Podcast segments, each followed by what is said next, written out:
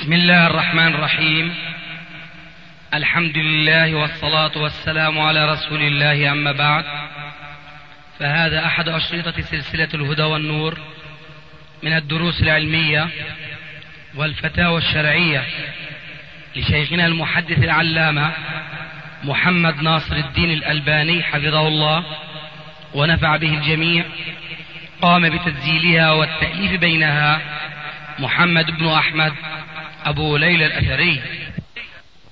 إخوة الإيمان والآن مع الشريط الواحد والأربعين بعد المئة الثامنة على واحد. سؤالات أبي الحسن المصري المأربي مصطفى بن إسماعيل السليماني للعلامة الألباني تحت عنوان الدرر في مسائل المصطلح والأثر. تم تسجيل هذا المجلس في اليوم الثاني من رجب 1416 هجري الموافق الرابع والعشرين من الشهر الحادي عشر 1995 ميلادي. إن الحمد لله نحمده ونستعينه ونستغفره ونعوذ بالله من شرور أنفسنا وسيئات أعمالنا. من يهده الله فلا مضل له ومن يضلل فلا هادي له. وأشهد أن لا إله إلا الله وحده لا شريك له. وأشهد أن محمدا عبده ورسوله أما بعد. شيخنا مسألة تعارض القول مع الفعل. أعرف اجتهادكم فيها وما وصلتم إليه لأن القول إذا تعارض مع الفعل فالفعل خاص بالنبي عليه الصلاة والسلام. لكن وقفت على بعض الأحاديث اشكلت علي فأردت أن أذكرها لكم. تفضل. ليظهر لي إن شاء الله وجه الحق فيها. إن شاء الله. قصة أم سلمة لما رأت النبي عليه الصلاة والسلام وهو يصلي بعد العصر فأمرت جارية لها بأن تسأله وتقول له تنهانا عن الصلاة بعد العصر وتصلي. فلو قال قائل ما فهمت أم سلمة من تعارض القول مع الفعل الخصوصية للرسول عليه الصلاة والسلام والعموم للأمة؟ كذلك حديث أنس كنت تن يعني لما قال النبي عليه الصلاة والسلام تنهانا عن الوصال ثم تواصل فقال إني لست كهيئتكم إني أطعم إن أبيت أطعم وأسقى. فما فهم أنس من ذلك أن إذا خالف القول الفعل فكيف الضابط لهذه المسألة؟ ما الذي فهمت أنت من هذه الأحاديث؟ لأنه ما وضح لي الإشكال جيدا. يعني إما أن نقول إذا خالف القول الفعل ولم يمكن التوفيق بينهما إما أن نأخذ بالقول أو إما أن نأخذ بالفعل. ما الذي أنت فهمت من مثل هذه الشواهد التي تجزي بها؟ الذي فهمته منها أن الصحابي أم سلمة وأنس لما رأيا فعل النبي عليه الصلاة والسلام بخلاف قوله ما حمل ذلك على القاعدة بأن القول لنا والفعل له وما ولو حمله على ذلك ما كان هناك حاجة للسؤال.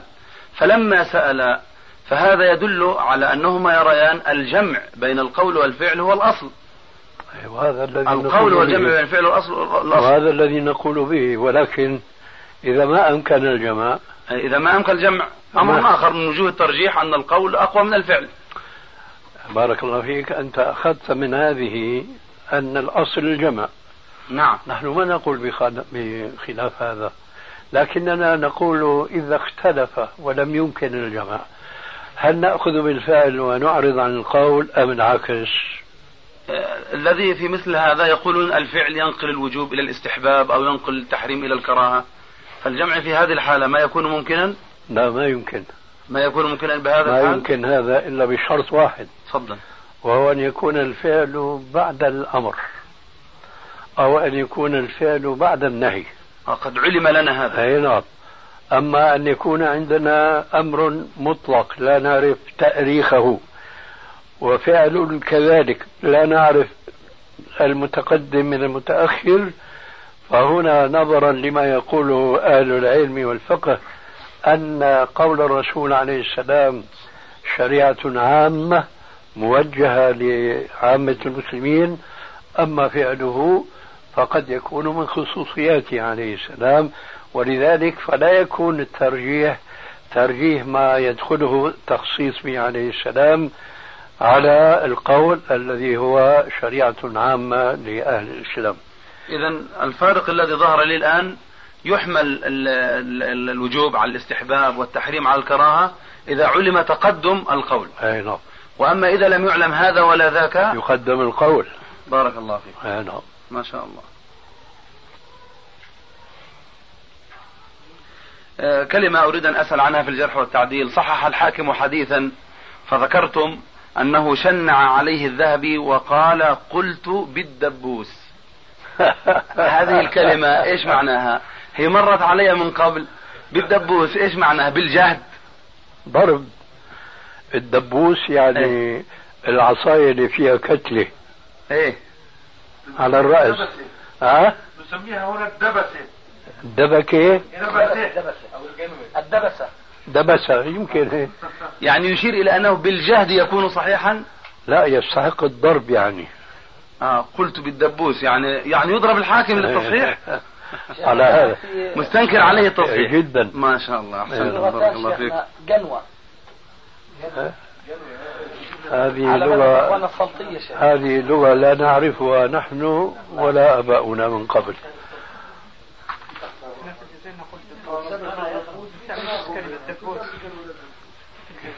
كيف تستعملونها؟ خذها من الجزائري إيش تقولون؟ لكن بعضهم يقول تقول بالدبوس يعني العصا؟ دبوس بالعصا. إيه. ما شاء الله. آه، مسألة محمد بن عجلان. في ترجمة محمد بن عجلان ذكر يحيى بن سعيد القطان بأنه اختلطت عليه أحاديث سعيد بن أبي سعيد المقبوري عن أبيه عن أبي هريرة وسعيد عن أبي هريرة وسعيد عن رجل آخر عن أبي هريرة. فلما نعم. اختلطت عليه جميعها جعلها عن سعيد عن أبي هريرة. فأراكم في ال- في الإرواء وفي غيره. فيعني لا نعرج آه لا تعرج على مثل هذا. لا لا. أقول هذا هو الذي أمشي عليه فعلا وأرى من سبقني من الحفاظ على هذا. يعني الحافظ الذهبي والعسقلاني فيما يعني علمت كذلك يفعلون. لكني أقول إذا ضاقت علينا السبل وهذا الكلام أقوله أيضا في في بعض العنعنات التي ترد في الصحيحين مثل عنعنة الأعمش مثلا وغيره. آه، فنجد أحاديث كثيرة آه، من رواية الأعمش معنعنة في الصحيحين. نعم. فأنا اتباعا لهؤلاء أسلك وأمشي عنعنة الأعمش إذا كان السند إليه صحيحا وكذلك ما فوقه كان صحيحا. إلا إذا إلا إذا تبين أن في المتن شيء من الغبش ويدفعنا إلى البحث عن علة قد تكون كمينة في مثل هذه العنعنة. أو في مثل ما قيل في محمد بن عجلان. هنا نتوقف. أما إذا كان الحديث على الجادة وليس حوله شيء مما أشرت إليه آنفا من الغبش فنحن نسلكه ونحسنه. ما شاء الله. هذا الذي تبين لي والله أعلم. بارك الله فيك. الأصل تمشيته إلا أن يكون هناك ما يوجب الرجوع إلى مثل هذه العلل التي ذكرها أهل العلم. نعم. هذا شيخنا يعني يعرف بعدم آه، تعريج الأئمة أو الحفاظ آه. المخرجين لهذه العلل؟ أي نعم. يعني يؤخذ بهذا؟ هذا هو الممارسة هذه. مهمة جدا. هذا علم. إيه. هذا علم غير مسطور بل هي العلم في الحقيقة. ها هو هذا. آه، سكوت الذهبي عما يذكره الحاكم في المستدرك على شرط البخاري على شرط مسلم على صحيح الإسناد على شرطهما. ويلخصه الحاكم في في تلخيصه. هل يحمل صنيع ال- الحافظ الذهبي في تلخيصه على أنه إقرار وموافقة لل- للحاكم فيما قال من صحة أو على شرط الشيخين أو أحدهما؟ أو يقال إنه قصد التلخيص وما وما اعتنى بالتحقيق؟ نعم. بارك الله فيك. أولا في ظني أنه لا يخفى عليك أن الواقع في النسخة المطبوعة من المستدرك آه، آه، ظاهرتان اثنتان في تلخيص المطبوع في النصف الأدنى من المستدرك. الظاهرة الأولى أن يلحق الحديث حينما يتعقبه بقوله قلت. نعم. هذا ما يحتاج إلى بحث ومناقشة نعم. الظاهرة الثانية أنه يضع خلاصة حكم الحاكم في الأعلى بالنسبة للمطبوعة. إذا كان قال على شرط الشيخين فهو يضع خي ميم نعم. وإذا كان على شرط أحدهما فيضع خاء أو ميم. ففي مثل هاتين الظاهرتين آه، هنا نستطيع أن نقول وافق أو خالف. نستطيع أن نقول وافق أو خالف. هناك شيء آخر وهو بيض لم يقل لا استدراكا قلت ولا موافقة خي ميم أو خي أو ميم. فهنا ما نستطيع أن ننسب إلى الذهبي شيئا وإنما نقول بالواقع سكت عنه الذهبي لكن سكوت الذهبي لا نعتبره موافقة كما قلنا في ظاهرة من الظاهرتين السابقتين. نعم. إذا قال خي ميم هذه موافقة. قال خي أو قال ميم هذه موافقة. إذا قال منتقدا قلت فيه كذا أو بالدبوس فلا شك أن هذه مخالفة. أما ما سكت عنه فلا موافقة ولا اعتراض. لماذا؟ قد يكون الأمر أنه وهذا أنا الذي أعتقده أنه أصاب الذهبية ما أصاب مؤلف أصله وهو الحاكم أنه سود ولم يبيض. وهكذا الذهبي فيما أظن كان يمر مرا سريعا معتمدا على حفظته وذاكرته فينقد ولذلك نلمس ونأخذ عليه بعض الأوهام التي نقابلها بما يذكره في الميزان وفي غيره من كتبه أنها تختلف مع نقده المذكور في التلخيص. فهذا الذي أعتقده وختاما أقول ونستعين بما عندكم من علم أن كتاب المستدرك في حاجة إلى طبعة جديدة ومقابلة بنسخ خطية موثوق بها حتى نتمكن من معرفة حقيقة ما قال الحاكم أولا ثم حقيقة ما قال الذهبي ثانيا. وقد كنا سمعنا منذ سنين بأن هناك أحد الدكاترة كان قد استحضر نسخة من اليمن من مكتبة صنعاء من المستدرك وأنه كان في صدد تحقيقها ولعله ينشرها هل عندكم شيء حول هذا؟ هذا الشنقيطي الذي هو في مكة؟ تعرف الشنقيطي الذي في مكة؟ لا أعني اللي كان مدرسا في الجامعة الإسلامية السوري الحلبي الميرة. الميرة نعم. في عندك علم شيء عنه؟ والله شيخنا حدثني الشيخ سعد الحميد آه. وهو تلميذه آه، بأنه انتهى من تحقيق الكتاب كاملا منذ سنوات. لكن طبعا تحقيق النص وليس التخريج. وهذا ال... هذا الذي نكتفي منه. صحيح. آه. لكن يتعلل إنه لا زال في أنا أبحث وصلت على نسخة من تركيا.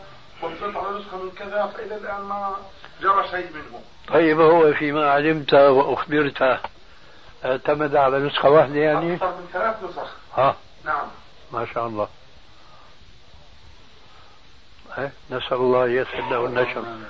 طيب غيره يا أستاذ. في تابع هذا السؤال آه، قول وقفت عليه للحافظ الذهبي في ترجمة الحاكم في سير أعلام النبلاء لما تكلم على المستدرك وما فيه من أحاديث وقسمه إلى أقسام في الأخير قال وقد عملت له تلخيصا وهو يعوز عملا وتحريرا فهل آه، ممكن أن يستدل بهذه الكلمة على أن سكوت الذهبي آه، أو مجرد خاء وميم أو خاء ميم ليس إقرارا إنما هو فقط تلخيص ويحتاج إلى عمل؟ أو على ماذا يحمل كلام الحافظ الذهبي في ترجمة الحاكم؟ ممكن حمله على الصورة الثالثة التي ذكرتها. تبييض. إيه فيما في القسم الذي بيض فيه. أي نعم. ما شاء الله. أي نعم. نسأل الله أن يبارك فيكم وأن يحفظكم الله يحفظكم. سوء. آه، شيخنا في مسألة ابن خزيمة. آه، وقفت على كلامه هو موجود في كتاب الباعث الحديث آه، الذي عليه تعليقكم. نعم. في الجزء الثاني صفحة 15 و400 يقول إذا قدم ابن خزيمة المتن على السند ففي هذا تضعيف له. وإذا قدم السند على المتن فهو على الجادة في كتابه الصحيح. الظاهر أن هذا كلام أحمد شاكر أو شيء مثل هذا. هذا كلام صحيح بالتجربة؟ هذا المعنى ليس مستقرا أو هذه القاعدة إيه. ليست مستقرة في ذهني. لكن الذي أذكره جيدا من صنيعه أنه يعقد بابا ويقول إن صح الحديث فإن فيه فلانا ولا أعرفه بعدالة أو جرح أو ما يشبه هذا الكلام ثم يسوق المتن ثم يسوق السند يبدأ بالمتن. والأخير يقول أخبرنا فلان. ويسوق أي نعم لكن ليس هل هذا مضطرد كلما قدم هذا على ما أجبتك لا أعرف هذا قاعدة عنه. بارك الله فيك. مم. لا إله إلا أنت. شيخنا حول الدبوس آه. هذا بين يدي مختصر استدراك الذهبي على الحاكم. طيب. لابن الملقن الذي حقق أخونا سعد الحميد. فلا فعند ذكر هذا النقد بالدبوس قال قلت بالدبوس أي بالقوة. لأن الدبوس واحد الدبابيس للمقامع من حديد وغيره. هذا هو. لعل كلمة بالقوة أنه يعني يصحح بالقوة أي بالجهد. بالكاد لا إيه؟ يعني بالجهد يصحح كأنه يقر لا أنه يضرب. لا. تفسير الذي قرأه أخونا علي آه، بخلاف الذي فهمته من كلامكم. اي نعم. هو بلا شك في خلاف إيه. لكن هل آه، الحديث يتحمل التصحيح بالقوة؟ أيوه هنا إيش بيقول؟ آه. خليكم مش بكمل شيخ. تفضل. أخونا سعد الحميد. بلا يقول هذا ولم يفصح الذهبي عن سبب انتقاده للحاكم في تصحيحه للحديث. هذا انتقاد رجع يقول انتقاد. آه انتقاد طبعا هو بينما التفسير السابق تأييد. صح. أصلا شيخنا هو كتاب الحاكم كتاب ابن الملقن. هو الأشياء اللي انتقدها أنا عارف. أي نعم هذا شرطه. لكن إيش معنى الكلام الأول؟ لا يلتقي مع الكلام يعني الاخير كأنه ممكن يقصد إنه حسن؟ يعني انتقده من الصحة الحسن ممكن؟ طيب كمل كلامه بقول هذا ولم يفصح الذهبي عن سبب انتقاده للحاكم في تصحيحه للحديث لكن في سند الحديث أبو يوسف القاضي ومحمد بن الحسن الشيباني صاحبا أبي حنيفة رحمه الله. أما أبو يوسف فاسمه كذا نعم. ويتكلم عن النقد يعني تضعيفهما أو ما قيل فيهما. يعني بتظن انه الذهبي بصح لمحمد بن حسن الشيباني أو بحسن ما أظن. طيب في كتب العلل. نعم. بعض الأحاديث أجد آه، إذا الراوي وافق جماعة في رواية الحديث ثم خالفهم بزيادة منفردا عنهم. مرة أجدهم يقولون وكونه وافقهم ثم خالفهم دليل على أن عنده علما ليس عندهم. ومرة يقولون وروايته مع الجماعة أحب إلينا من روايته وحده. فما هو الضابط الذي مرة يحمل على هذا ومرة يحمل على تلك على ذاك؟ اولا آه، أريد آه، الا ألا تجمع وتقول يقولون. وإنما أن تقول يقولوا يقول آه. القائل يعني. لا, آه. أج... لا, لا أجمع الكلام. إيه طيب. لأنه لأنه قد يكون القائل هنا غير القائل هناك. والمهم في الموضوع يظهر التناقض إذا كان القائل فردا. أما إذا قائل يقول قولا ويخالف الآخر فهذا يعني كالفقه فيه أقوال متعارضة وإلى آخره. فهنا ما في إشكال حين ذاك إذا كان القائل تارة يقول هذه زيادة مقبولة وتارة يقول زيادة مرفوضة هنا الإشكال. أما إذا كان القائلين مختلفين ما في إشكال. فأنت ماذا تعني الآن بالضبط؟ بلى يعني هذا وذاك أيضا. حتى في, في طيب دعنا يظهر لي انه في دعنا, الحالتين. دعنا إذا منه يقولون. إيه؟ لأنه ما في إشكال في يقولون. من مثلا تستحضر أنه في المثالين الذين أتيت بهما. آه، في المثال الأول موجود في العلل السؤال 25 و800 العلل الدارقطني طيب ما الجزء الخامس صفحة 10 و200 طيب بعدين شو بيقول؟ آه، قالوا تقبل منه المخالفة لأنه علم ما عندهم وزاد عليهم. طيب. في مثال آخر موجود عندنا في السلسلة الضعيفة آه،. لكن ما أدري نقلت لا أيضا صارت يقولون. إيه. لا. هنا يقول هنا يقولون. لا لا.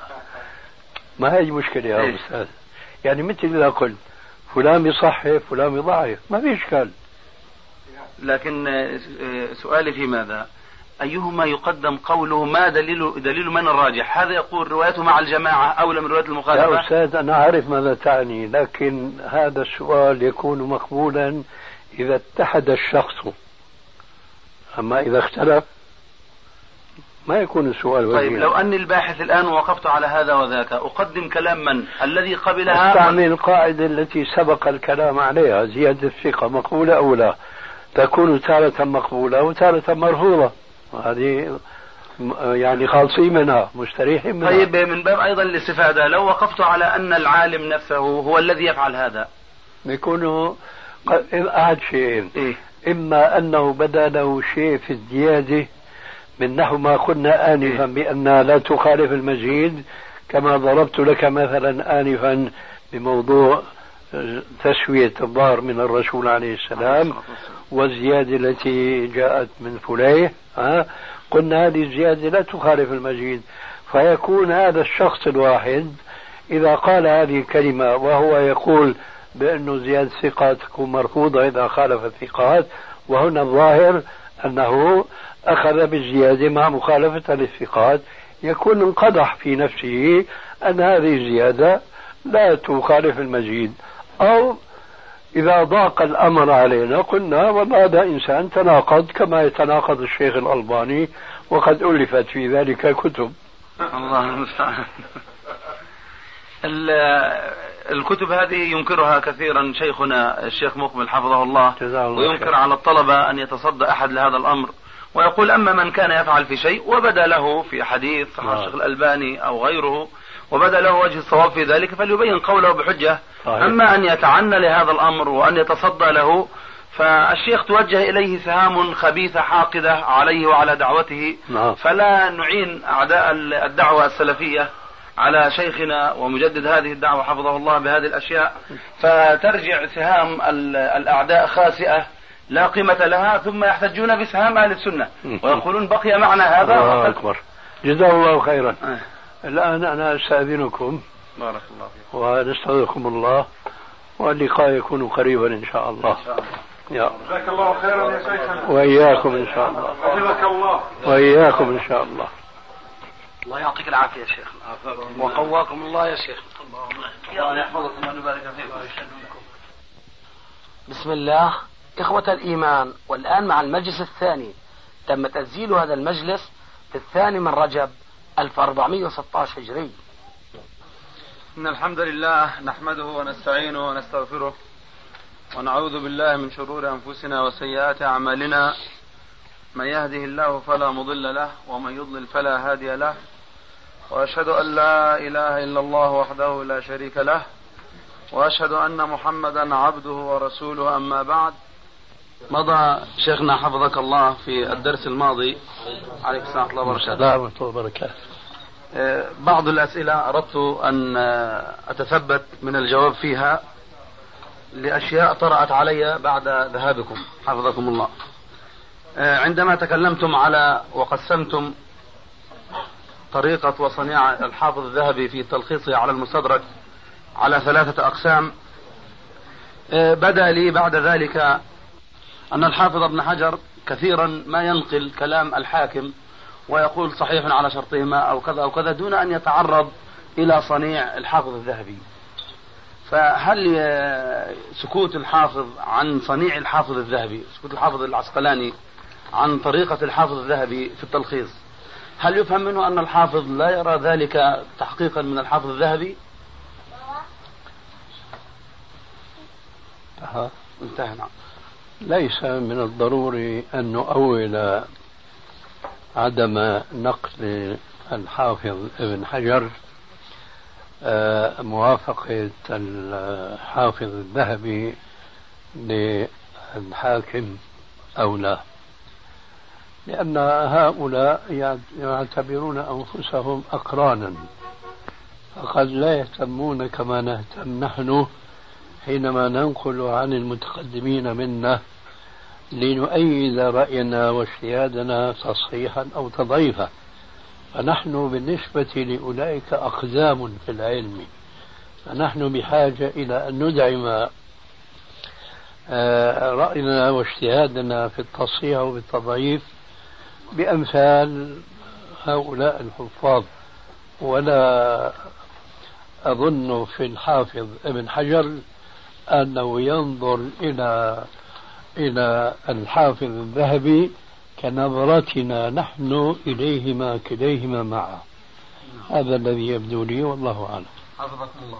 آه، بعض إخواننا لما تكلمنا في هذه المسألة قال لأن تلخيص الحافظ ابن حجر الحافظ الذهبي كان مطبوعا وحده والمستدرك وحده وأما في زماننا طب إيه. آه, آه كان مخطوطا وحده أو مكتوبا وحده.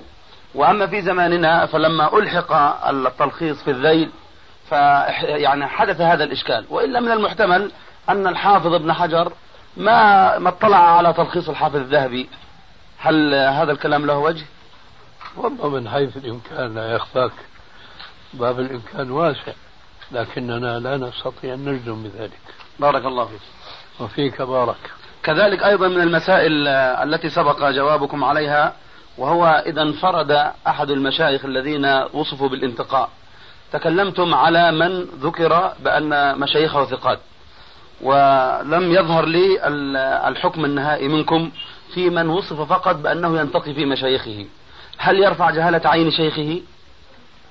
أو يرفع جهالة حاله؟ أو ماذا؟ طبعا سؤالك كان هل ذلك يجعله ثقة؟ سؤالي كنت أقول هل يلزم من ذلك أن يكون ثقة؟ أيوة. يعني كمثل مشايخ حريز الذي قالوا فيه إنه لا يروي إلا عن ثقة. فانا أجبت بأن من قيل فيه إنه لا يروي إلا عن ثقة فيكون شيوخه ثقات ما لم يخالف كما قلنا أيضا نعم نعم. نصا. أما من كان ينتقي نعم. هذا لا يعني التوثيق لأنك تعلم ولعل هذا هو الجواب الذي يزيل الإشكال العارض إن شاء الله. أن هناك في رجال الصحيحين كثير من الرواة الذين تكلم فيهم من غير الشيخين فيجيب عن رواية الشيخين عن أمثال هؤلاء المتكلم فيهم بأنهم ينتقون. نعم. هذا لا يعني أنه ثقة عنده كأولئك الثقات الذين يطردون طردا الاحتجاج بأحاديثهم لأنهم من الثقات عندهم. هؤلاء ينتقون من أحاديثهم فالانتقاء لا يعني أنه ثقة عندهم كمن قيل فيه إنه ثقة. إما نصا أو قاعدة. طيب حفظكم الله. إيه، في صنيع صاحبي الصحيح. آه، هذا انتقاء من حديث الراوي وسؤالي في الانتقاء في المشايخ. لا يروى عن مجهول وصف عنه أنه لا يروى عن مجهول لا يروى عن متروك لا يروى عن كذاب. يعني ما, ما يروى عن كل أحد. طيب. فهذا الذي أعني في الرواة لا في الأحاديث. في سؤالي أنا أعني في الرواة لا في الأحاديث.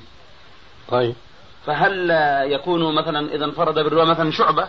قالوا أن شعبة ينتقي ويحيى بن سعيد القطان عبد الرحمن بن مهدي أحمد بن حنبل موصوفون بالانتقاء. فهل لو انفرد بالرواية أحد هؤلاء ومن كان يعني على شكلتين في هذا الباب عن راو واحد عن شيخه هل يكون مجهول عين أو مجهول حال؟ أو يعني كما أرى كثيرا الحافظ ابن حجر في, في التقريب يقول مقبول. فكيف يكون الحكم عليه؟ والله ما عندي جواب قاطع في هذا. إذا كنت تعني هذا. إيه هذا الذي أعنيه نعم. أي نعم. ما عندي جواب قاطع في هذا. بارك الله فيكم. وفيك بارك. أيضا شيخنا في ذكرتم بالأمس في مسألة الجمع المبهم الجماعة الذين يجبر يعني إبهامهم عددهم. ذكرتم أن هذا في التابعين نعم. ومن دون التابعين تقف في ذلك. مع أني وقفت على كتاب لكم في نعم أظن في, في الإرواء وفي الصحيحة. قبلت من دون التابعين بهذه القاعدة أنهم جمع تنجبر جهالتهم جهالتهم بالجمع. هذا في الإرواء. هذا هذا أيضا يا أخي يدخل في موضوع الانتقاء. نعم. يعني دراسة كل حديث من هذه النوعية دراسة موضوعية خاصة. ولا يعني أننا جعلناها قاعدة. وهذا ذكرني يذكرنا هذا نعم. بكلامكم. يعني أيوة نعم. يذكرنا هذا بكلامكم بالبارحة أنه يعني كثير من القو... أن كثيرا من القواعد ما هي قاطعة. تحت تدور مع القرائن والترجيحات. هو كذلك. بارك الله فيكم فيكم بارك. ما شاء الله. آه، كان كذلك أيضا آه، لما تكلمنا على ابن جريج وتدليسه أرجعنا الكلام على حاله في عطاء. آه. على حاله في عطاء. فأجد أيضا في بعض تصانيفكم تمشونها أحيانا وتعلون الحديث بعنعنته عن عطاء. نعم. فهذا أيضا راجع إلى لا القرائن. نعم. بارك الله فيكم. ما شاء الله. وفيكم بارك. نعم. خير عظيم. تفضل. شيخنا في نقطة هذا أظن جرى بحث مع فضيلتكم في هذا الموضوع. تفضل. فالأشياء التي لا نستعل بها شيخنا يعني ليست دائما متعلقة بأنها انتقائية لأنه في أشياء قديمة. وهذا أنا فيما يعني أفهم أو من خلال طريقتكم أنه هذه الأشياء إنما اكتسبتموها بالخبرة الزمن يعني. والزمن. صحيح. وكقضية رواة رواية الجمع عن الذي لم يوثقه إلا ابن نعم. حبان مثلا هذه أيضا بعض الناس يتوهم إنه هناك اضطراب فيها. مع أنه ليس فيها اضطراب. أظن أبو الحسن يلاحظ هذا الذي يقوله أبو الحارث. نعم هذا وهذا وارد جدا. إيه نعم. نعم. هذا في يعني واضح لدي. تفضل. النظر إلى المتن النظر إلى شهرته أو عدم شهرته أو كذا؟ لا فإنه يشير إلى شيء آخر وهو زمن. وهو ترقي الشيخ في العلم بعد الجهل. الممارسة نعم. هذا تكلمتم به بالأمس أن الممارسة علم في ذاته تتقاعد فيه القواعد وتظهر فيه القواعد وتتجسد بالممارسة. بلى. بارك الله فيكم. فيكم بارك. كذلك شيخنا مسألة ال- القياس والإجماع. وقول جمهور أهل العلم بالاحتجاج بهما ونجد من طلبة العلم من ينفي الاحتجاج والعمل بهما ونجد في الجهة الأخرى من يتكلم على النافي هذا إما بتبديع أو بتفسيق أو يعني قد يعني ينقل بعض نصوص أهل العلم القدامى في تكفير منكر الإجماع وغير ذلك. فالقول الفصل في هذه المسألة حفظكم الله. هل دخلت الآن في فقه في أصول الفقه.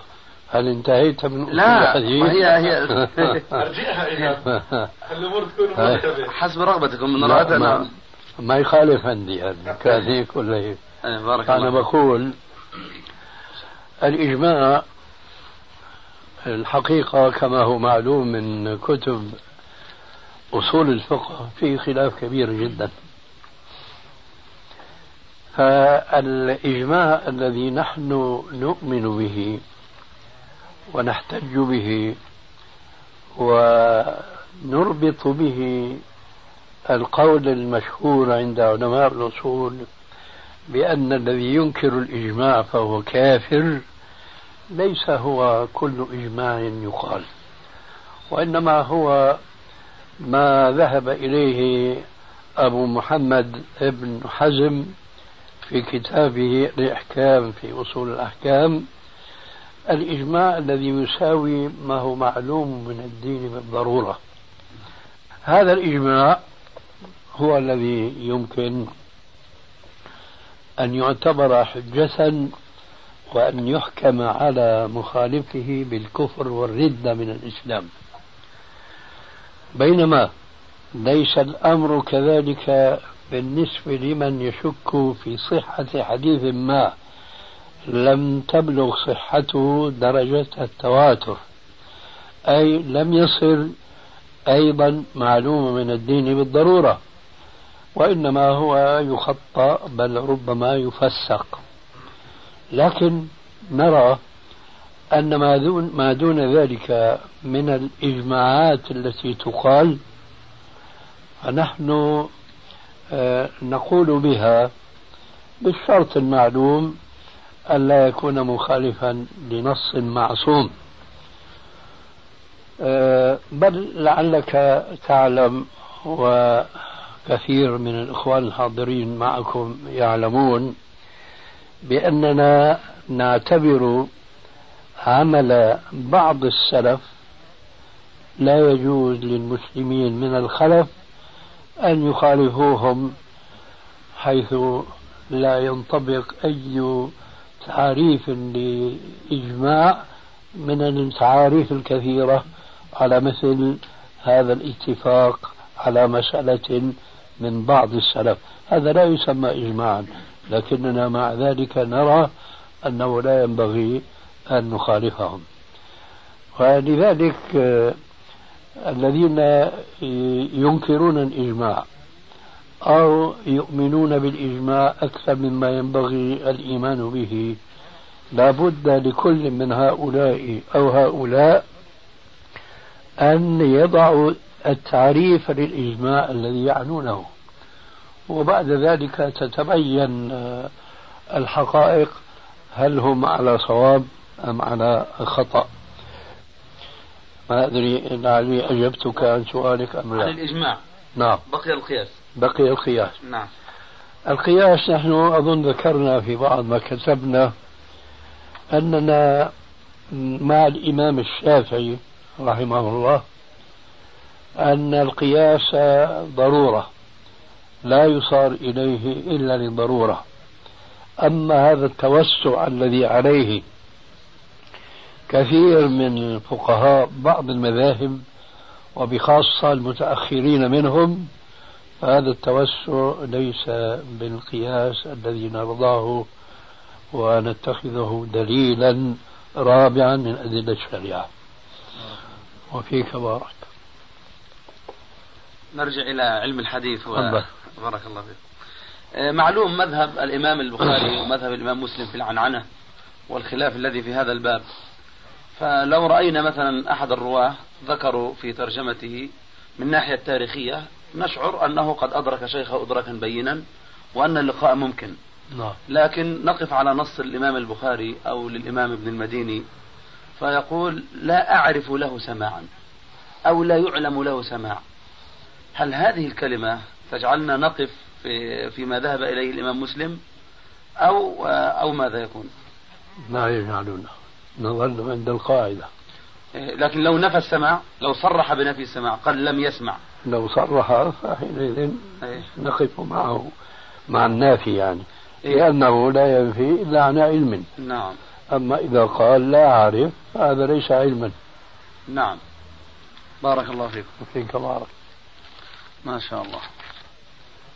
عندي كذلك سؤال في في العالم إذا استدل بحديث جازما به. هل يكون هذا تصحيحا منه للحديث؟ لا. ولو جاز لقلت كلا.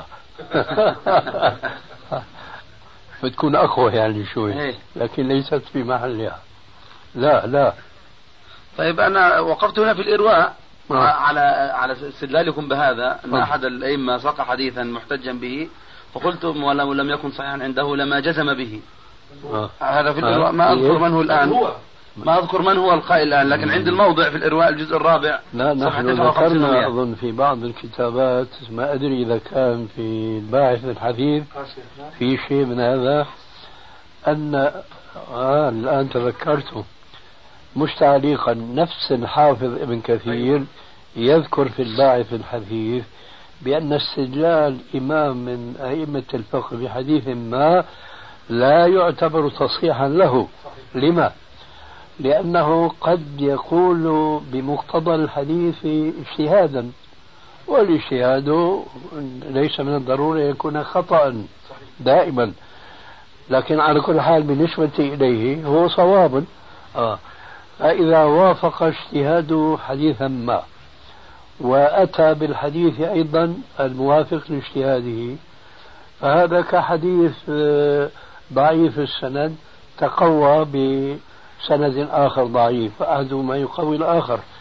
لكن حينما لا يكون عندنا عند هذا الإمام إلا حديث بإسناد ضعيف عندنا لا نعرف سواه. لكننا عرفنا أنه هو عمل به أو احتج به.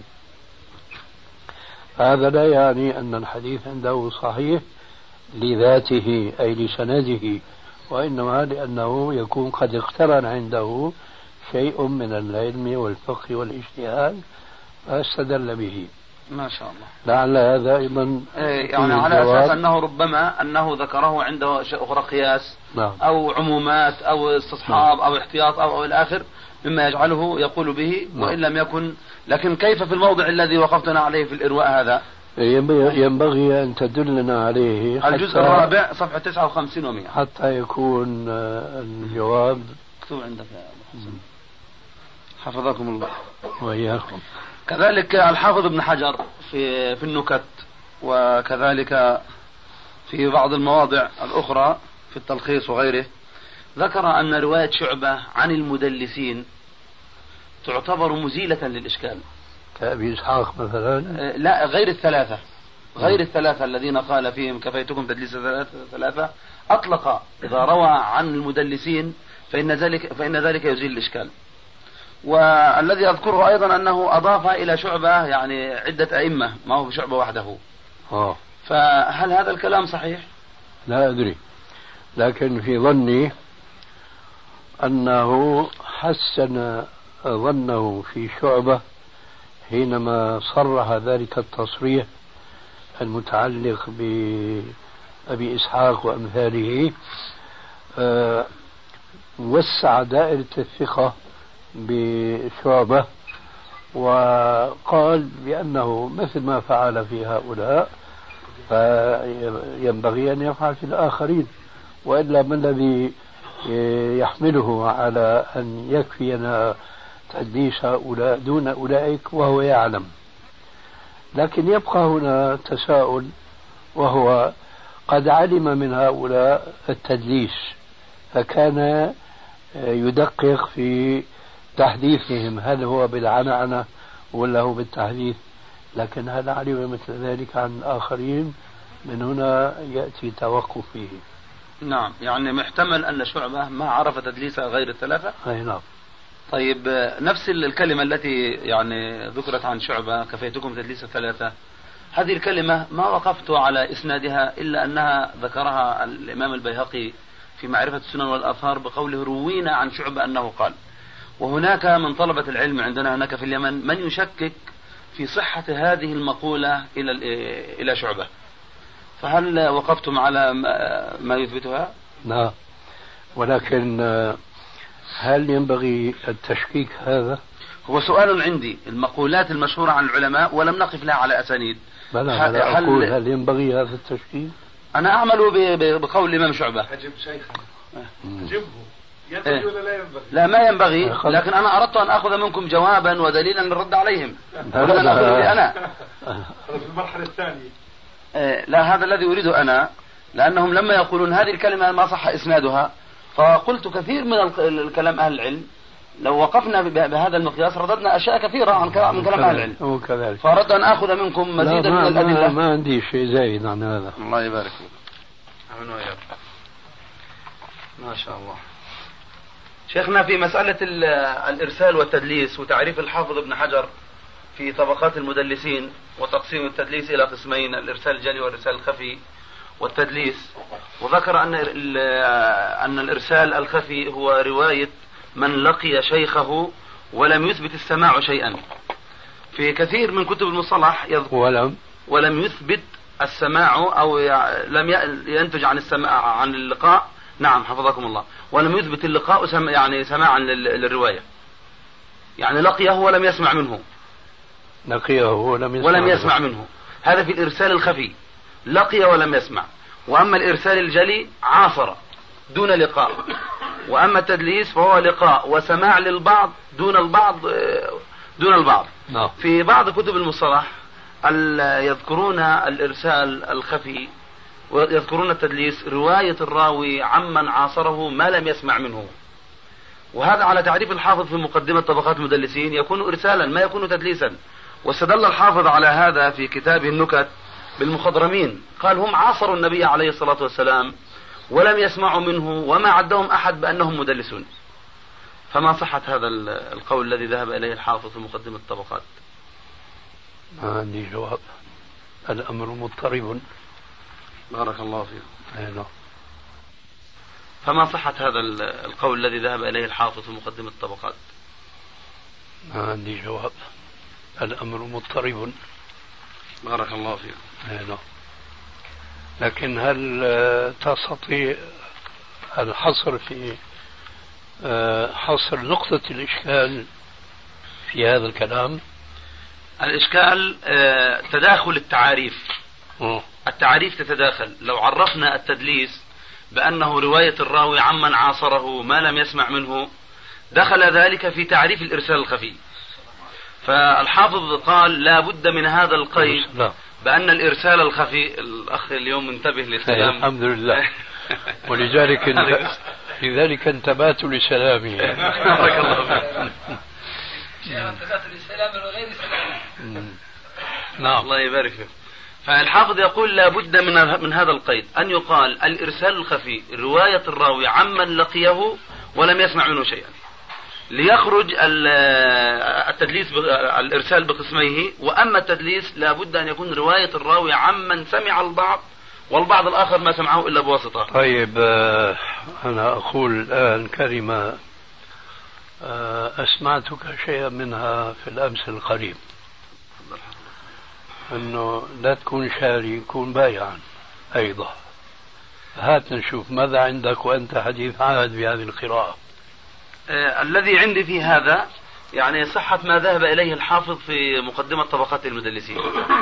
لأننا لو قلنا الإرسال هو رواية الراوي عمن عاصره ما لم يسمع منه دخل في ذلك المخضرمون كما قال الحافظ رحمه الله بأن المخضرمين عاصروا النبي عليه الصلاة والسلام ولم يسمعوا منه و...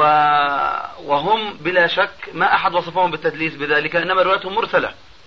إنما روايتهم من قسم المرسل لا من قسم الرواية المدلسة. ف وكلامه في مقدمة الطبقات بأنه لا بد من هذا القيد كي تتميز الأنواع وت يعني تنفصل بعضها عن بعض أولى من آه، من التعميم فتتداخل الأنواع ولا تتميز. طيب. آه، التدليس ألا يلاحظ فيه القصد؟ نعم قصد الإيهام نعم. طيب في الإرسال وارد هذا؟ الإيهام لا. الإيهام غير وارد في الإرسال. هذا هو الفارق. يعني يضاف إلى رواية الراوي عمن لم يسمع عمن عاصره موهما آه. موهما. هو آه. كلامهم أيضا كذلك في كتب المصطلح موهما. هذا الذي يبدي والله. حفظكم الله. أستاذي آه، وهي وردت في كلام الأخ أبي الحسن أيوة. نقلا عن الحافظ وهي أن المدلس سمع شيئا ولم يسمع شيئا. هو المدلس نعم. أقول فهذا أيضا شيء يضاف نعم. ويؤكد عليه بالإضافة لشرط الإيهام. يدل على القصد نعم. هذا هو. القضية ضابطها أمران. لكن مجرد المعاصرة مع لا الإيهام تفيد لا تفيد ال- ال- المعاصرة مع سماع شيء وترك شيء آه. والإيهام ممكن يقع مع المعاصرة والإيهام يكون إرسالا خفيا باعتبار أني لقيت شيخا فممكن أوهم الناس بأني سمعت منه ولم أسمع منه أصلا. بقصد. بقصد أيضا. هذا يكون مدلسا لا لما أقول عن فلان فهم يفهمون لا, لا ليس مني أنا القصد ولكن هم يفهمون يقعون في الوهم. ولو اشترط أن يكون هذا من المدلس نفسه قاصدا إيقاعهم في في, اللبس. ولا إيش مدلس اذا؟ قاصدا إيقاعهم في اللبس. هذا هو. بارك الله فيك. وإلا لكان كل منقطع كل منقطع مدلسا أي نعم. نواصل. تفضل. ما بعرف صار وقت الصلاة. أذان. يلا إلى الصلاة ثم إلى العلم. إن شاء الله. بارك الله فيك.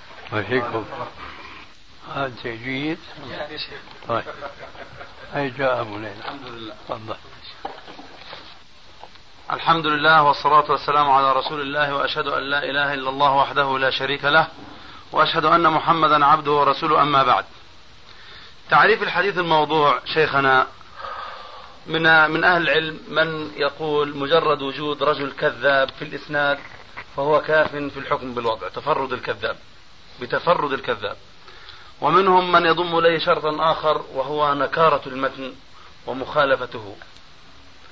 و فمع أننا نجدهم أحيانا بالنسبة للقول الأول يحكمون على أحاديث بعض الثقات بهذا الحكم.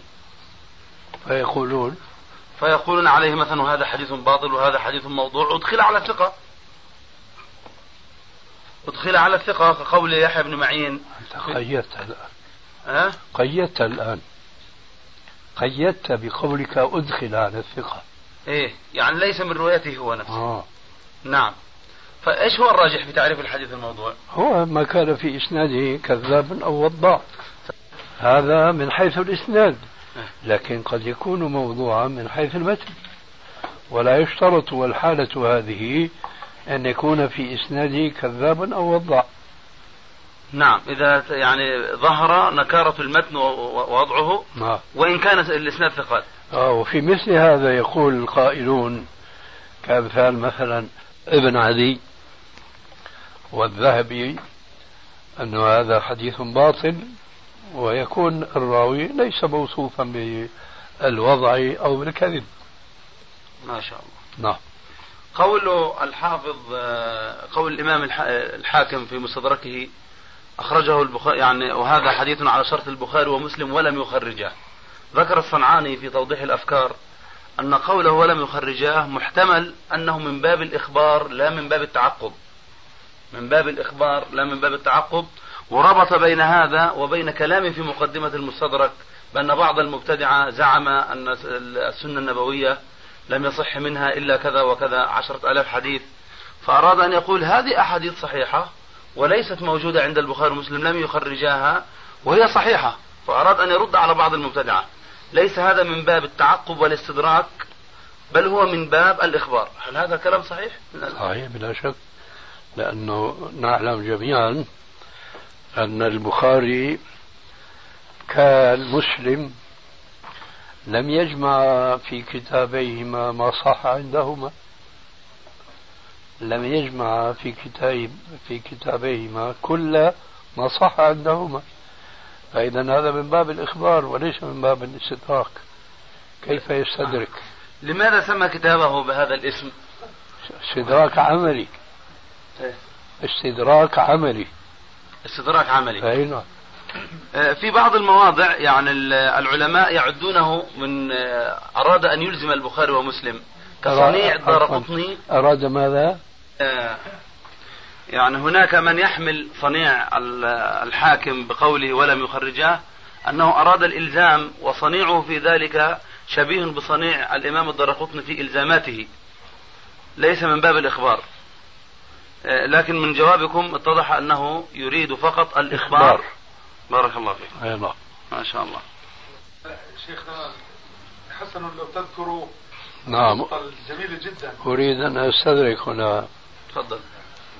أريد أن أذكر بعض الحاضرين أن الحاكم حينما يقول في حديث ما إسناده على شرط الشيخين وأحيانا على شرط أحدهما هذا تسامح كبير جدا منه. ذلك لأنه من قال في حديث ما إنه على شرط البخاري ومسلم فينبغي أن يكون الراوي عن شيخ البخاري معاصرا للإمام البخاري. وإذا صحح حديثا على شرط مسلم وهذا كما تعلمون سواء شرط البخاري شرط مسلم يعني سلسلة الرجال من شيخ البخاري إلى الصحابي هم من رجال البخاري. فيشترط في هذه الحالة أن يكون الذي يروي عن شيخ البخاري أو عن شيخ مسلم معاصرا للشيخين والحاكم ليس كذلك.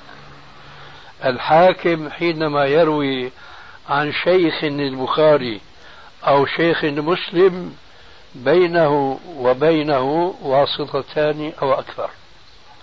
وهؤلاء بلا شك ليسوا من شيوخ البخاري مسلم فإذا هو يعني وهذا تسامح والصلاح منه هو على شرط البخاري من عند شيخ البخاري فصاعدا وليس مما دون نعم. شيخ البخاري. ولذلك فنحن نلاحظ كثيرا قد يكون شيخ البخاري فصاعدا حقيقة على شرط البخاري مسلم لكن إسناد الحاكم إلى شيخ البخاري قد يكون ضعيفا وقد يكون ساقطا نعم. فكيف يصح أن يقال في مثل هذا الإسناد إنه على صحيح على شرط البخاري هذا اصطلاح له بالإضافة إلى أنه إذا عرفنا هذه الحقيقة لا نستطيع أن نتوهم وأن نتخيل إنه يريد إلزام الإمامين بأن يخرج هذا الحديث الذي صححه من طريق شيخه عن شيخ شيخه عن شيخ البخاري أو شيخ مسلم. اصطلاح له. اصطلاح له خاص. وأيضا وقفت على تعقبكم للحافظ الهيثمي. عندما يقول أخرجه مثلا الطبراني في الكبير أو في الأوسط ورجاله رجال الصحيح. أنت يا ونب... شيخ راح تنسيني الألباني. آه، الله يحفظكم ويبارك فيكم ما الحمد لله يعني ما شاء الله حفظته جيد الحمد لله. الله إيه. يحفظكم ويبارك فيكم. آه، تعقبتم كثيرا الهيثمي في هذا الباب. عندما يقولون عندما يقول رحمه الله وهذا رجاله رجال الصحيح. تذكرون دائما أن هذا شيخ الطبراني يقينا ليس من رجال الصحيح. أحسن والسؤال هنا وإن كان هو فلماذا ما حمل يعني هذا كاصطلاح للهيثمي كما حملتم الحالة التي نحن فيها اصطلاحا للحاكم هو هذا لكن هو ما وضع يعني قاعدة أو كتابا لإستدراك حتى نلاحظ هذه الملاحظة وندندن حولها كما فعلنا بالنسبة نعم. للحاكم لكن مثل هذا التنبيه يكفي يعني بارك الله فيك نعم. يعني بالمناسبة أنا بالنسبة لكتبكم هي يعني تتلمذنا عليها ولله الحمد والأشرطة بارك الله فيك الله أن يبارك فيكم. جزاك الله خير. الله يحفظكم. الحمد لله. بارك الله هنا شيخنا حفظكم الله في الجرح والتعديل للرازي. أحيانا ابن أبي حاتم يسأل أباه عن راو ويقول ذكره البخاري في الضعفاء فيحول من هناك. ومع ذلك هو يضعفه. ومع ذلك هو يلين الكلام فيه. فهل شرط البخاري في كتاب الضعفاء الضعف الشديد من أجل قوله يحول من هناك؟ لأن إن كان مجرد الضعف هو أيضا يضعفه ومع ذلك يحول من هناك. لماذا؟ عندك مثال في هذا؟ آه الآن ما ذكرت أنا مثالا هنا. هذا غريب بالنسبة لنا. آه. نحن نعرف هذا الكلام وفي ذهننا هذا المعنى على الأقل. أما هو يقول يحول ومع ذلك هو في الوقت نفسه يضعف آه يقول هذا حديثه ولا يحتج به مثلا. هذا غريب. لا. لا الآن أنت ها؟ اختلف. بينهما فرق يكتب حديثه ولا يحتج به آه لأنه وكيف لا؟ لأنه قول أبي حاتم لا يحتج به هو في الحقيقة يساوي أنه حسن الحديث إذا لم يكن هناك من ضعفه تضعيفا مطلقا. فقول أبي حاتم في بعض الرواة نحن نلاحظ هذا كثيرا. عشرات الرواة من من رواة الصحيحين الموثقين من الأئمة الثقات. تجد أبا حاتم يقول لا يحتج بحديثه وهذا منه يكثر يكثر جدا. وأنا ما أفهم تضعيفا مطلقا من كلمة أبي حاتم إنه لا يحتج به وإنما لا يحتج به في مصاف الثقات الذين يصحح حديثهم. خطر في بالي خاطرة في لقاء أمس كان ينبغي أن أذكره ما أدري شو المناسبة حتى فاتت الخاطرة والآن عادت. الحمد لله. آه. لكن لعلني أتذكرها بعد أن أتم الجواب عن هذا. فأنا استغربت حينما قلت إنه يقول لابني يحول من كتاب الضعفاء ومع ذلك يضاعفه فإذا كان تضعيفه كما قلت أخيرا لا يحتج به فهذا ليس تعارضا لما ذكرته آنفا. أما إن كان في ذهنك ولو بعد لأي أنه يقول يحول من كتاب الضعفاء البخاري وهو ضعيف هذا كأنه لا أتصوره. إن شاء الله. أما أما لا يحتج به معقول. طيب. لا الخاطرة قبل ما آه. نمسك إياها خلينا الخاطرة في الأمس القريب كان موضوع نعم أظنه أيضا اليوم بمناسبة آه، في الخلاف بين الشيخين في الاكتفاء بالمعاصرة أو لابد من شرطية اللقاء. فأنا هو ذكرني قضية اصطلاح أبي حاتم أنه لا يحتج به؟ وهذا من توارد الأفكار سبحان الله. تبين لي بأن الشرط الذي وضعه البخاري هو الشرط الصحيح وليس الشرط الحسن. اللقاء. واضح هذا. نعم. آه. اللقاء في الحديث الصحيح. أما في الحديث الحسن لا يشترط فيه اللقاء لأنه مر ببعض الأحاديث ينقل الإمام الترمذي عن إمامه البخاري أنه يحسن إسناده وشرط اللقاء فيه منفي. سبحان الله. نعم. ما شاء الله. وهذا ذكرت في بعض ردودي على هذا القضية هذا حسان يعني. آه الإغاثة يمكن. سمعتك يا هذا ولا؟ نعم شيخ. آه هو هذا. فأحببت أن أذكرك بهذه لعلها تمر بك. ما شاء الله. ف... فنحقق قوله تعالى سنشد عضدك بأخيك. الله يبارك فيكم شيخنا والله هذه حقيقة تستحق تتبعا آه. وضبطا فعلا. وتتبع الرجال من تاريخ البخاري الكبير ومعرفة الاتصال والسماع. اي والله. تتبلور الصورة بوضوح يعني. ما في شك تفضل. بالنسبة للسؤال الأخير الذي كان الكلام فيه حول أبي حاتم الرازي آه وقوله مثلا آه، يكتب حديثه ولا يحتج به ذكرتم أن هذه آه، لا تساوي ضعيف. بل آه، ممكن أن يكون بمرتبة الحسن نعم فهذا لأن أبا حاتم متعنت في التوثيق آه، فيما يعني في حق الناظر يعني في حق الناظر في كتاب أبي حاتم. أما عند أبي حاتم هذا الرجل عندما يقول لا يحتج به هل يعني أنه ضعيف أو يعني أنه يحتج به؟ على أي وجوه الاحتجاج سواء كان الحسن الذي تكلمت لا عنه يعني ضعيفا مطلقا. لا يعني بإطلاق. اي نعم. وأنت تعلم جيدا إن شاء الله بأنه يستعمل التعبيرين. هو يستعمل العبارتين. في بعض المواضع يكتب حديثه؟ لا هذا في المقصود بعض العبارات لا يحتج به وفي بعض العبارات ضعيف. نعم. ولا بد أن نلاحظ بأن هذا الذي يستعمل العبارتين أن يكون له قصد في المخالفة بين اللفظين. وأنا الذي بدأني والله أعلم مع ملاحظات أخرى طبعا ذكرت آنفا بعضها أنه لا يساوي قوله لا يحتج به قوله ضعيف. بارك الله فيك.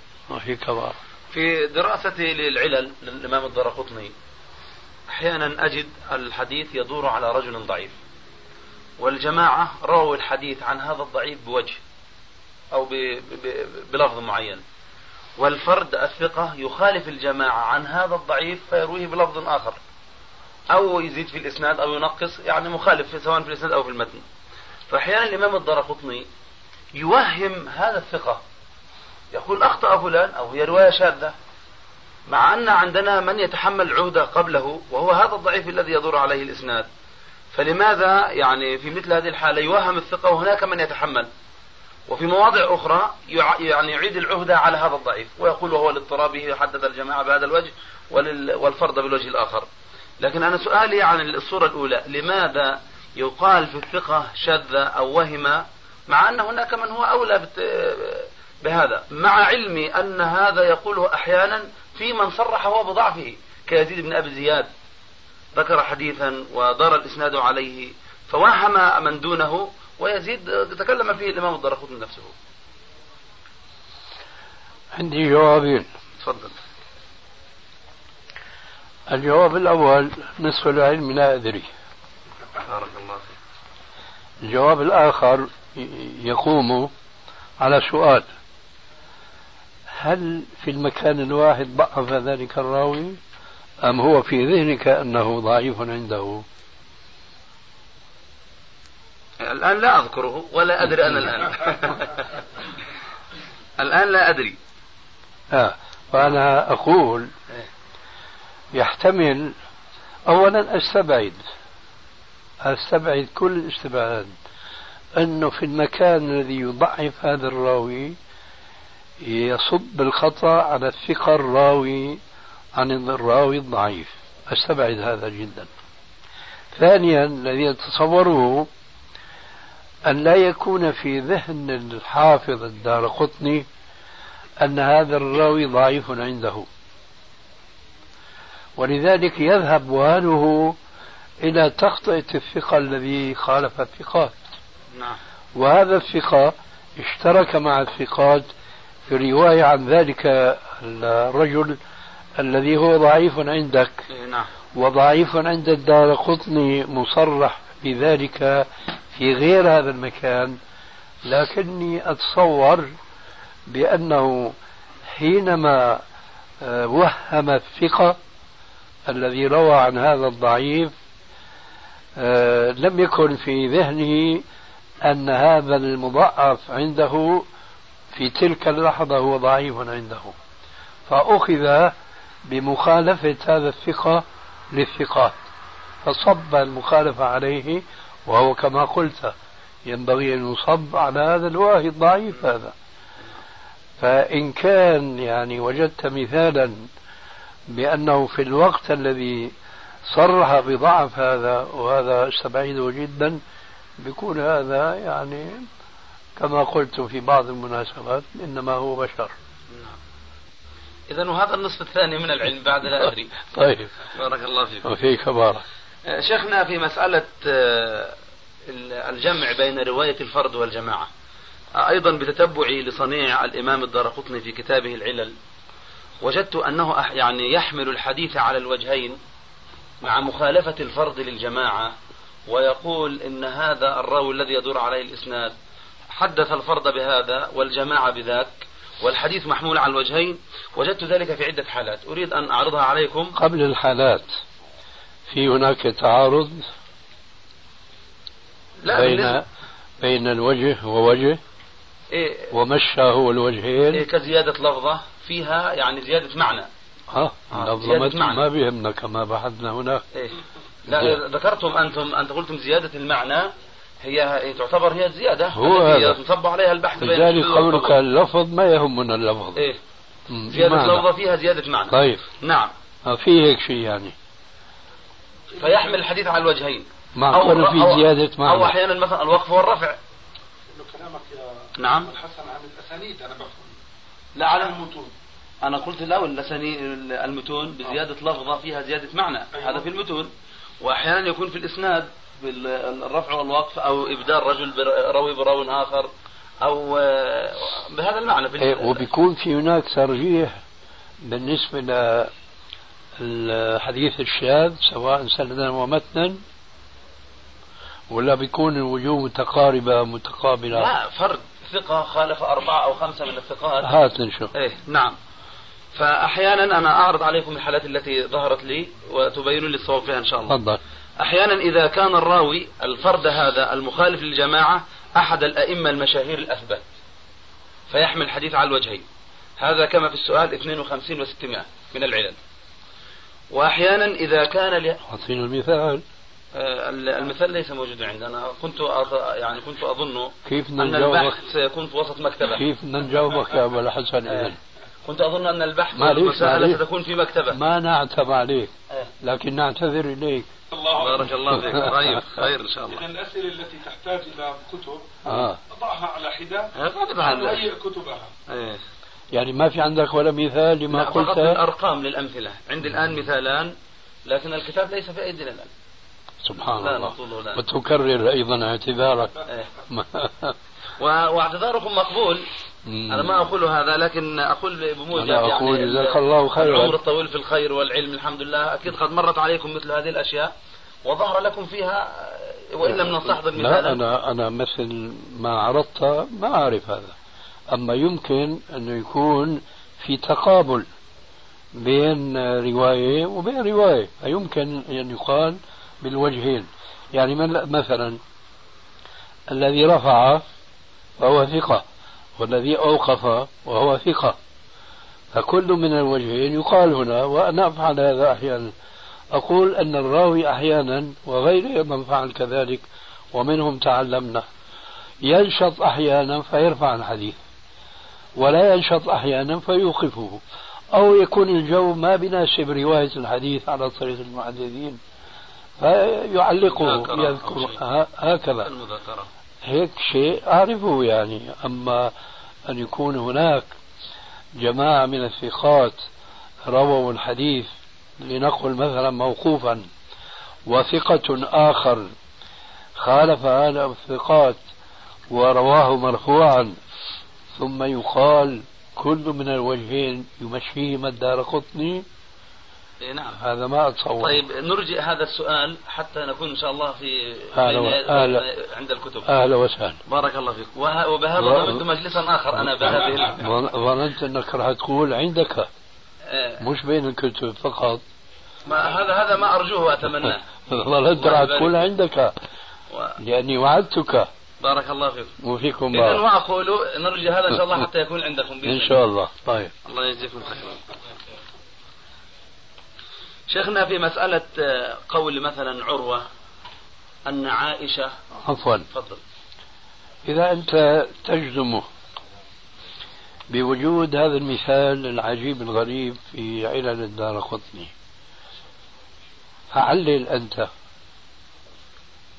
آه، ظهر لي أن الإمام الثقة كيحيى بن سعيد القطان هذا المشهور مثله لا يوهم فيقال إنه قد حفظ الحديث من هذا الشيخ على هذا الوجه والجماعة حفظوه عن هذا الوجه و... وإن كان شيء من ال- الأمور فهو من ال... من الشيخ الذي فوقهم. بس أنت الآن أدخلت عاملا جديدا في الموضوع. لا ذكر جبل الحفظ. اي وهو هذا. أنا أنا ذكرت شيخنا في السؤال. هذا في؟ السؤال ذكرته. قلت أحد الأئمة الأثبات المشاهير. بس ما أن الأئمة يعني سبق لذهني من المصنفين المؤلفين. إيه. آه. لكن الآن هو أو- أوضح. آه. يحيى بن سعيد. آه. آه. ولعل المثال الذي أيضا أنا أذكره هو في يحيى بن سعيد وفي سفيان الثوري وفي مثل هؤلاء. نعم. هذا ال- بالنسبة لحالة ال- هذه. إيه هذا شوي بلطف يعني. إيه. الجو الله فيك. طيب إن شاء الله نبقي السؤال بإذن الله. تفضل. في قول مثلا عروة أن عائشة قالت لرسول الله عليه الصلاة والسلام كذا فقال لها كذا.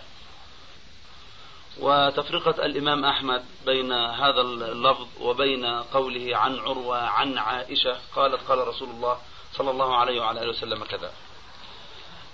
وأن الحالة الأولى هي آه، ظاهرها الاتصال وحقيقتها الإرسال. والحالة الثانية متصلة وكلام العلماء في الفرق بين عن وأن واستدلال بعض أهل العلم بالتفرقة وغير ذلك. في, في بعض المواضع. وجدت هذا التطيب الآن له معنى؟ عند النجديين بس شيخنا. إيه. إيش معناه؟ هو أبو عبد الله. عسى ما يكون معناه إنهاء المجلس اهم هو, شيء هو هذا يعني. عسى ما يكون معناه إنهاء المجلس. هو هذا معناه. بس لعله يعني يعني. جاهد بالاصطلاح. ونحن نأخذ بنيته لا بفعله إن شاء الله. ويكون ذلك خيرا. إن شاء الله يعني رب جاهل أنفى من أهل الله يبارك فيك. نعم في بعض في السلسلة الصحيحة في في بعض المواضع وجدتكم آه، تجعلون هذه الرواية متصلة عن عروة أن عائشة قالت لرسول الله عليه الصلاة والسلام كذا وكذا فهل يكون كذلك؟ هل الأمر يكون كذلك؟ ما دام هي خالته لا هو يقول أن أن عائشة لكن هو ما أدرك القصة ما أدرك كلام الرسول عليه الصلاة والسلام ولا كلام لرسول الله صلى الله عليه وسلم. ولا أخبر أنها أخبرته أنها أنه قال لها أو قالت له عليه الصلاة والسلام. كل ما ذكرت إلا الأخير يكفي أنها خالته فمن أين ما الذي يسبق لأول وهلة إلى ذهن السامع حينما يقرأ رواية لعروة يتحدث فيها عن خالته آه، عائشة. قصة حصلت مع النبي. نعم. إيه. ما هو الذي يتبادر إلى ذهن الذي يتبادر الاتصال وأنها أخبرته. إيه و... إيه. وإذا كان هناك ما يمنع نمتنع. إذا هناك ما يمنع نمتنع. تصريح مثلا الإمام أحمد وبعض أهل العلم بأن هذا آه، حقيقته الإرسال. ما يكون هذا مما يمنع؟ كيف يعني؟ يعني الإمام أحمد مثل بعروة لما سئل في الفرق بين عن وأن. مثل أن عروة عن عائشة أن رسول الله عليه الصلاة والسلام كذا كذا هذا متصل.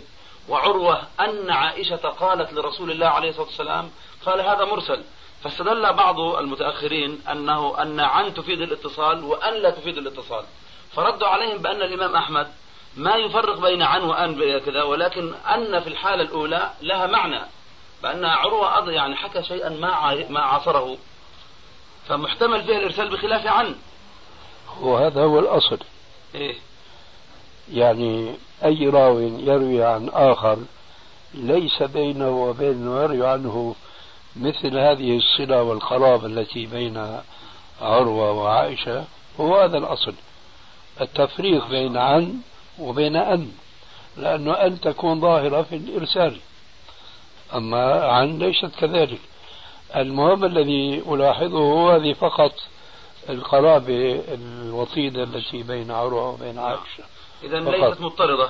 ثم ثم يخطر في بالي أن هناك في الصحيح في البخاري بعض الروايات من هذا النوع لكنها تتميز بأنه في آخر القصة بيقول عروة قالت عائشة كذا وكذا. ما شاء الله. فبيقول الحافظ في الفتح أن هذا يدل على أنه قول أولا في حكم المتصل نعم. وليس في حكم المنقطع ما شاء الله. أي نعم.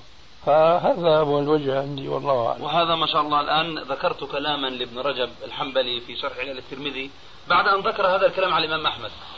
قال أما في في المكثرين مثل عروة عن عائشة فلا يتصور الإرسال. قال في بهذا المثال بعينه قال في المكثرين. هذا ما قال هذا ما قاله الشيخ من وخالته والقرابة ما شاء الله. صلى الله أن يحفظكم. جزاك الله خير. بارك الله فيك. الله يقويك يا شيخنا. الله يحفظك. اللهم آمين. اللهم آمين.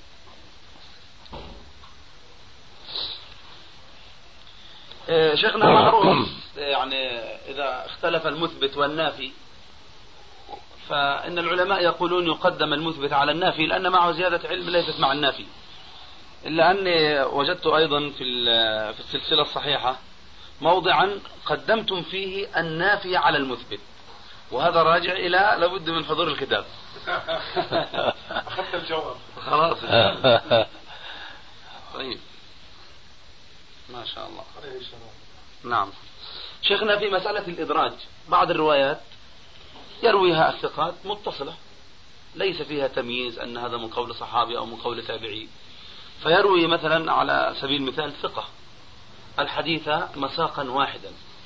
ويأتي رجل دون الثقة كأن يقال فيه صدوق فيفصل في بعض جمل هذا الحديث. فيقول قال رسول الله عليه الصلاة والسلام كذا كذا وزاد أبو هريرة فقال كذا. هل هذا الصدوق روايته تعل الرواية الأولى في الجملة التي فصلها أم يقال الثقة مقدم على الصدوق ولو كان ثقة فالثقة الأول مقدم. ولو كان ثقة فالثقة الأول مقدم مع وجود من من ميز. نعم. إذا متى نعرف المدرج؟ بمخالفة. كما نفعل من الحديث يعني الشاب. أن يكون راوي الرواية الموصولة المميزة أكثر أو أحفظ أكثر أو أحفظ إلى آخره. ما شاء الله. أسأل الله أن يبارك فيكم وأن يدفع عنكم كل سوء ومكروه. آمين. الحمد لله. هذا من فضل الله. نحن أيضا في مسألة بعض الرواة. أقرأ في التهذيب لا يروي عنه إلا ابنه أو حفيده. فهل وجود الابن دليل على أن الأب ليس مشكوكا في عينه فيكون مجهول الحال؟ لا. ليس كافيا. ليس كافيا بل على العكس. آه. إلا أن يكون الابن ثقة معروفا. وهل يعني ولو كان ثقة آخر غير الابن فنحن نحكم بجهالة العين. فوجود الابن الآن الثقة يرفع جهالة العين؟ لا. لا. أنا فهمت من كلامكم أنه يرفع جهالة العين إذا كان الابن ثقة معروفا. لا بقول إذا لم يكن قلت لعل العكس هو الأقرب. إذا كان الولد ليس ثقة. ليس ثقة أي إيه. أما إذا كان ثقة فحكمه حكم الراوي الذي يروي عنه ثقة واحد. يكون مجهول عين أيضا. أي نعم. ما شاء الله. لكن الذي يمكن أن يطرح إذا كان للراوي عديد من الأبناء وهم يروون عنه فما حكم هذا؟ الأب. أنا لا أزال أقول حكمه كحكم الثقة الذي يروي عنه جماعة. فإن كانوا ثقات فتعرف الجواب. يعني القرابة لا تزيد شيئا لا تقدم ولا تؤخر. آه نعم. مع أني قد وجدت الحافظ في بعض المواضع مثل هذه يقول مقبول مع وجود الابن الحفيد. هو يقول هذا بارك الله فيك حتى في غيره. إيه، ما شاء الله. نعم. أردت أن أقول أن الحافظ يقول في الرجل المقبول في الوقت الذي يخالف نظامه في المقدمة. نعم. وينبغي أن يقول فيه مجهول. نعم. هذا مثال يعني داخل في هذا. يعني ليس كافيا من صنيعه لأن وجد غير ذلك فيما هو محل اتفاق. أو كذلك. بارك الله فيك. فيك بارك. كذلك يا شيخنا لو أن الراوي انفرد عنه يعني جاء عنه راويا فقط. الشيخ لم يروى عنه إلا تلميذان. وكل منهما يصلح في الشواهد والمتابعات ولا يحتج بهما. يعني لا يحتج بأحد كل منهما على انفراده. يساويان ثقة. يساويان ثقة؟ نعم. ما شاء الله. فيكون أيضا مجهول العين؟ أي نعم. لأن لما وجدت أنا من صنيع الحافظ أنه يرفع جهالة العين بهذا الأمر. ما دام كلهم إيه؟ كل منهما لا يحتج به. إيه؟ لكن إذا ضم أحدهما إلى الآخر قوي شأنهما. إيه؟ فيساويان ثقة واحدا. أنا أردت أن آخذ من صنيع الحافظ وأسألكم فعلمت أنك ستفرق وتقول هذا كلام الحافظ ولذلك كان صيغة السؤال عندي ماذا؟ مم. لماذا رفعت رواية ضعيفين جهالة العين ولم ترفعها رواية الثقة؟ مع أن الأول بمجموعة يعني بالطريقين حسن لغيره والثاني صحيح. فقلت ستسألني وتقول ومن أدرك أني سأرفعها؟ فغيرت صيغة السؤال.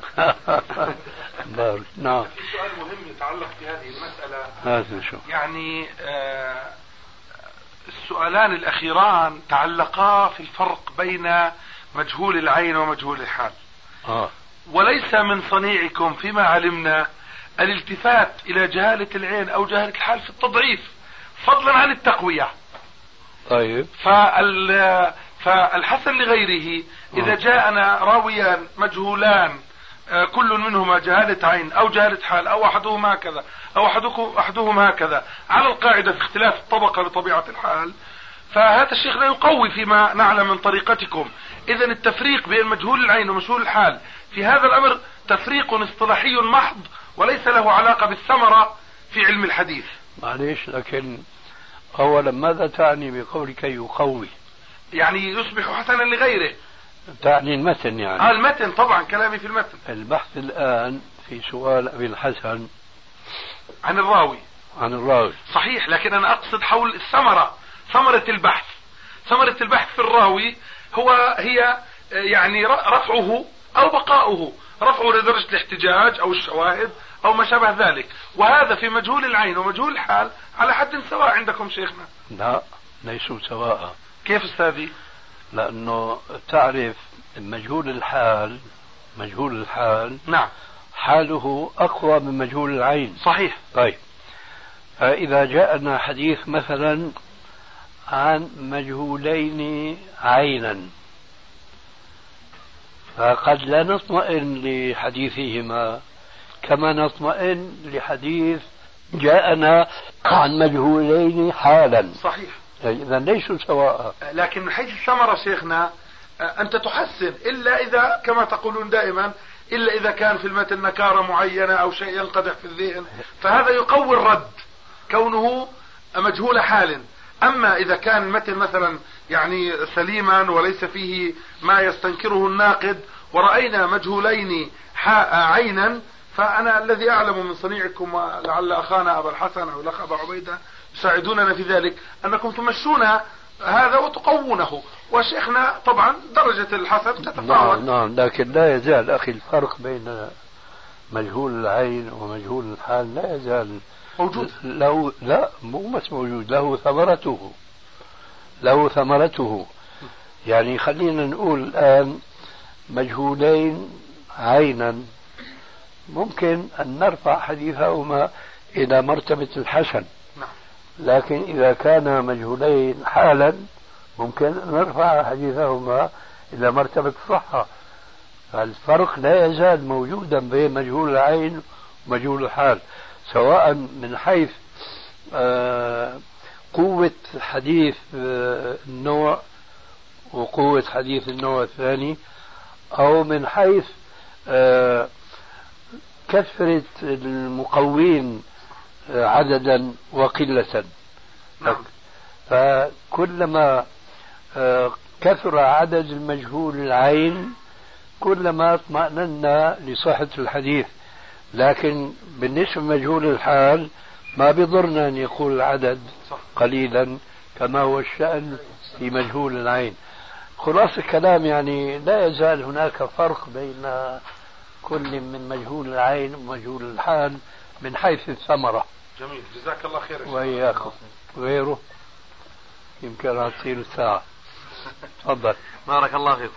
آه، أئمة الجرح والتعديل ما. الذين قد عرف تشددهم أو تساهلهم أو اعتدالهم آه، الحمد لله ما أسأل عنهم إنما أسأل عن بعض الأئمة الذين يتكلمون في الرواة جرحا أو تعديلا وما قد اشتهر حالهم من ناحية التوسط أو الاعتدال أو التشدد.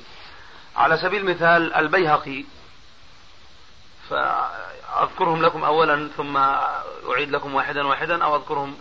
لا واحدا ثم واحدا. طيب مثل البيهقي. البيهقي تعرفون عنه الاعتدال أو التشدد أو التساهل؟ ما أعرف عنه إلا التوسط. التوسط. أي نعم. فإذا انفرد مثلا بتوثيق أو تضعيف يقبل. يقبل نعم. ما شاء الله. مسلمة بن القاسم. كذلك. ابن خلفون. ما أعرف عنه. طيب ابن سعد صاحب الطبقات. في شيء من التساهل. أبو نعيم. أبو نعيم. ما في ذهني شيء. الخطيب. وسط البزار. متساهل. أبو أحمد الحاكم. ما هو مشهور عندنا؟ ما نعرف عنه ابن قانع. عبد الباقي. ابن قانع هو نفسه متكلم فيه بعض الكلام ما أذكر عنه شيئا. توثيق الذهبي أحيانا يذكر في الكاشف يوثق للرجل ما أحد تكلم فيه إلا كلمة الحافظ الذهبي. الذهبي مثلا. ما تكلم فيه من؟ من من الأئمة المتقدمين. إلا أن الذهبي ترجم له بقوله ثقة. نعم. لا أما وثق شيء ثاني. أحيانا يقول يصرح بكونه ثقة حافظ الذهبي. آه لكن في بعض المواضع يقول ثقة. نعم. أدري هذا. وكلام ابن حبان توثيق ابن حبان بقوله وثق وكذا. استفدناه من كتب شيخنا. نعم. كثيرا عليه كثيرا. كثير هذا من في كتب الشيخ. ولا الكتب الحمد لله أخذناه من كتب الشيخ. فأنه كثيرا ما يقول ثقه في توثيق ابن حبان. نعم. لكن أحيانا هو نفسه يصرح بقوله ثقة. فمثله يقبل منه وما قد سبقه أحد؟ ما عندي رأي. بارك الله فيك. طيب. طبعا أنت تتكلم الآن عن ابن قانع. لا عن الذهبي. كلامي لك أنا قد مر كلامكم في ابن قانع بأنه نفسه متكلم فيه. آه إيه. اذا انتهينا من ابن قانع. أنتم ذكرتم عن ابن قا... عن ابن بلا قانع. بلا أنا. ذكرت يعني. لكن كلامي الأخير هذا في الذهبي الحافظ آه. الذهبي. آه. أيوه. طبعا إذا ما وثقنا بتوثيق الذهبي فبمن نثقه؟ يعني يقبل إذا أيه. وافق يقبل. أي نعم. ما شاء الله. بارك. الله فيكم. وفيكم بارك. ما شاء الله. آه، عفوا يا شيخ وين أتعبناك. الشيخ ما بيتعب. الله يبارك فيك. الله أن يبارك فيكم. الله يحفظك. آه، ما حكم رواية التلميذ الملازم المكثر عن شيخه المدلس إذا عنعن شيخه؟ إخوة الإيمان تتمة الكلام في الشريط التالي. لا فرق. إلا إذا كان عنده عبارة كما يقال عن شعبة مثلا بالنسبة للثلاثة فهذا شيء آخر. أما مجرد اتصافه بهذه الصفات فلا يكفي. طيب كلام الحافظ الذهبي في ترجمة الأعمش في ميزان الاعتدال بأنه يعني يتوقع يعني نعم يتوقف في عنعنته إلا في مشايخ أكثر عنهم. نعم. إلا في مشايخ. أكثر عنه. أكثر عنهم. أنا سؤال الآن هو مقلوب المسألة. أوه. إذا كان التلميذ المدلس وروى عن مشايخ لازمهم وأكثر عنهم. آه. هذا الآن بان الآن من المثال. العكس يعني. عكس السؤال. يعني الأعمش يروي عن شيوخ له مشهورين. نعم. وهو يكثر من الرواية عنهم. إيه نعم. أيوة. ويعنعن عنهم. نعم. فيقول حافظ الذهبي يتوقف في عنعنته إلا في شيوخ أكثر عنهم كأبي صالح السمان. و... ومن يا إخواننا؟ ذكر جماعة وأبي إسحاق. هكذا؟ نعم. ذكر ثلاثة. نعم. هذا موجود في ميزان الاعتدال ترجمة الأعمش نعم. مر علينا مثل هذه العبارة. أنا الواقع أنتم في الصحيحة في الجزء نعم. الرابع ثلاثة وأربعمائة. أنا رأيي في الأعمش وأمثاله سبق أن ذكرته بمناسبة أخرى.